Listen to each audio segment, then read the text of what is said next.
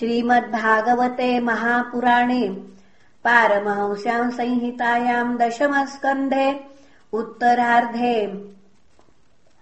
अथाशीतितमोऽध्यायः। राजोवाच भगवन्यानि चान्यानि मुकुन्दस्य महात्मनः वीर्याण्यनन्तवीर्यस्य श्रोतुमिच्छामहे प्रभो। को नु श्रुत्वा सकृद्ब्रह्मनुत्तमश्लोक सत्कथाः। विरमेद्विशेषज्ञो विषण्णः काममार्गणैः। सा वाग्यया तस्य गुणान् गृणीते। करौ च तत्कर्म करौ मनश्च।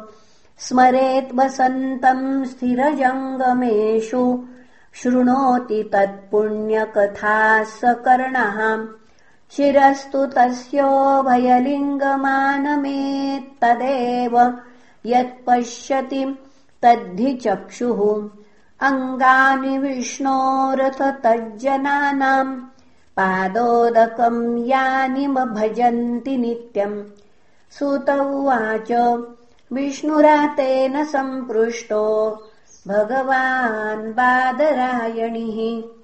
वासुदेवे भगवति निमग्नहृदयो ब्रवीत। श्रीशुक उवाच कृष्णस्यासीत् सखा कश्चित् ब्राह्मणो ब्रह्मवित्तमहान्। विरक्तः इन्द्रियार्थेषु प्रशान्तात्मा जितेन्द्रियः यदृच्छयोपपन्नेन वर्तमानो गृहाश्रमी। तस्य भार्या कुचैलस्य क्षुत्क्षामा च तथाविधाम् पतिव्रता पतिम् प्राहो म्लायता वदनेन साम् दरिद्रासीदमाना साम् वेपमानाभिगम्य च। ननु ब्रह्मन् भगवत सखा साक्षात् श्रियः पतिः ब्रह्मण्यश्च शरण्यश्च भगवान् सात्वतर्षभहाम् तमुपैः महाभाग साधूनाम् च परायणम्। दास्यति द्रविणम् भूरि सीदते ते कुटुम्बिने। आस्तेऽधुना द्वारवत्याम् भोजवृष्ण्यन्धकेश्वरः स्मरतः पादकमल मात्मानमपि यच्छति। किम् न्वर्थकामान् भजतो? नात्यभीष्टान् जगद्गुरुः। स एवम् भार्यया विप्रो बहुशः प्रार्थितो मृदु। अयम् हि परमो लाभ उत्तमश्लोकदर्शनम् इति सञ्चिन्त्य मनसा गमनाय दधे अप्यस्तुपायनम् किञ्चित् गृहे कल्याणि दीयताम्। याचित्वा चतुरो मुष्टीन् विप्रान् पृथुकतण्डुलान्। चैलखण्डेन तान् बध्वा भर्त्रे प्रादादुपायनम् स्वतानादाय विप्राग्रयः प्रययौ द्वारकाम् किल। कृष्णसन्दर्शनम् मह्यम् कथम् स्यादिति चिन्तयन् त्रीणि गुल्मान्यतीयाय तिस्रः कक्षाश्च सद्विजः। विप्रोगम्यान्धकवृष्णीनाम् गृहेष्वच्युतधर्मिणाम् गृहम् द्वयष्टसहस्राणाम् महिषीणाम् हरेर्द्विजः निवेशैकतमम् श्रीमद्ब्रह्मानन्दम् गतो यथाम्।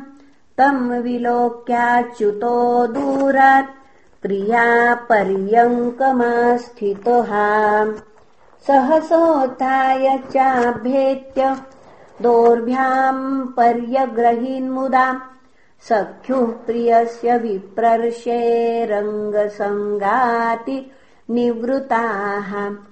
प्रीतो बिन्दुन् नेत्राभ्याम् पुष्करे क्षणः। अथोपवेश्य पर्यङ्के स्वयम् सख्युः समर्हणम्। उपरुत्यावनिज्यास्य पादौ पादावने जनीः अग्रहीच्छिरसाराजन् भगवान् लोकपावनः। व्यलिखद्विदिव्यगन्धेन चन्दना गुरुकुङ्कुमैः। धूपैः सुरभिभिर्मित्रम् प्रदीपावलिभिर्मृदा अर्चित्वा वेद्यताम्बूलम् गाञ्च स्वागतमब्रवीत। कुचैलम् मलिनम् क्षामम् द्विजम् यमनि सन्ततम्।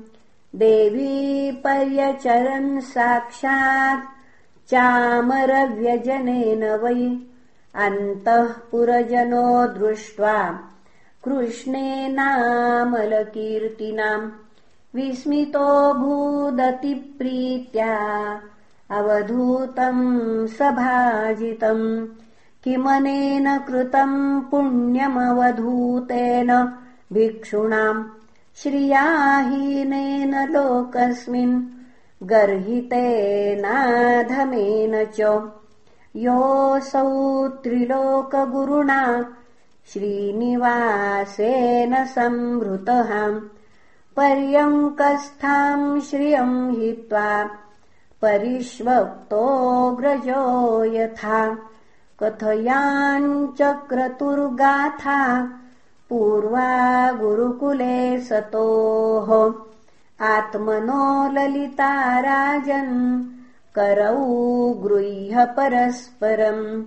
श्रीभगवानुवाच अपि ब्रह्मन् गुरुकुलात् भवता लब्धदक्षिणात् समावृत्तेन धर्मज्ञ भार्योढासदृशीन वा। प्रायो गृहेषु ते चित्त मकामविहतम् तथा। नैवातिप्रीयसे विद्वन् धनेषु विदितम् हि मे। केचित् कुर्वन्ति कर्माणि कामैरहतते चेतसः त्यजन्तः प्रकृतिर्दैवी। पुनः त्यजन्तः प्रकृतिर्दैवीर्यर्थाहम्। लोकसङ्ग्रहम्। क्वचिद्गुरुकुले वासम्। ब्रह्मन् स्मरति नौ यतः। द्विजो विज्ञाय विज्ञेयम् तमसः पारमश्नुते। स वै सत्कर्मणाम् साक्षात् द्विजातेरिह सम्भवः। आद्योऽङ्गयत्राश्रमिणाम् यथाहम् ज्ञानदो गुरुः।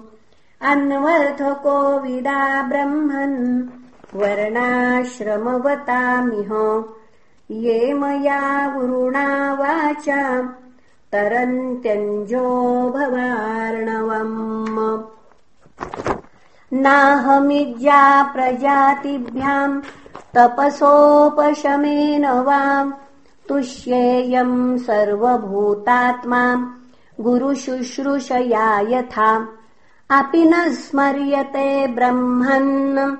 वृत्तम् निवसताम् गुरौ गुरुदारैश्चोदितानामिन्धनानयने क्वचित् प्रविष्टानाम् महारण्यमपर्तौ सुमहद्विज वातवर्षमभूत्तीव्रम् निष्ठुरास्तनयित्नवः। सूर्यश्चास्तम् गतस्तावत् तमसा चावृता दिशः निम्नम् कूलम् जलमयम् न प्राज्ञायत किञ्चन। वयम् वृषम् तत्र महानिलाम्बुभिर्निहन्यमाना।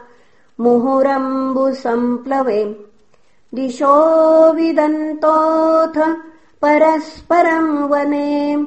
गृहीतहस्ता परिबभ्रिमातुराः एतत् विदित्वा उदिते रवौ सान्दीपनिर्गुरुः।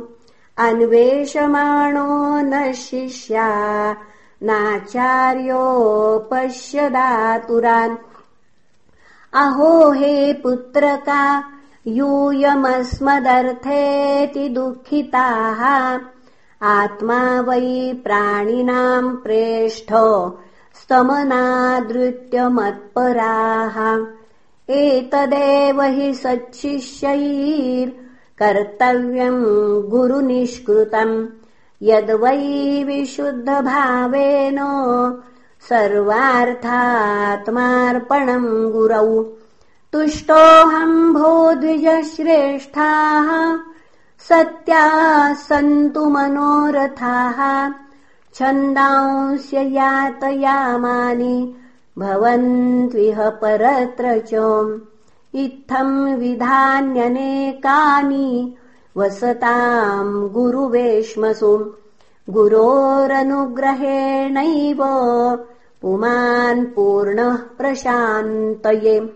ब्राह्मण उवाच किमस्माभिरनिर्वृत्तम् देवदेव जगद्गुरो भवता सत्यकामेन येषाम् वासो गुरावभूत्। पुनः यस्य छन्दोमयम् ब्रह्म देह आवपनम् विभो। श्रेयसाम् तस्य गुरुषु वासोऽत्यन्तविडम्बनम्।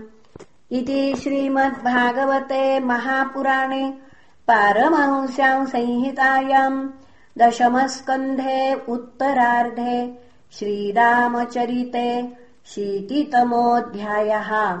श्रीकृष्णार्पणमस्तु। हरये नमः हरये नमः हरये नमः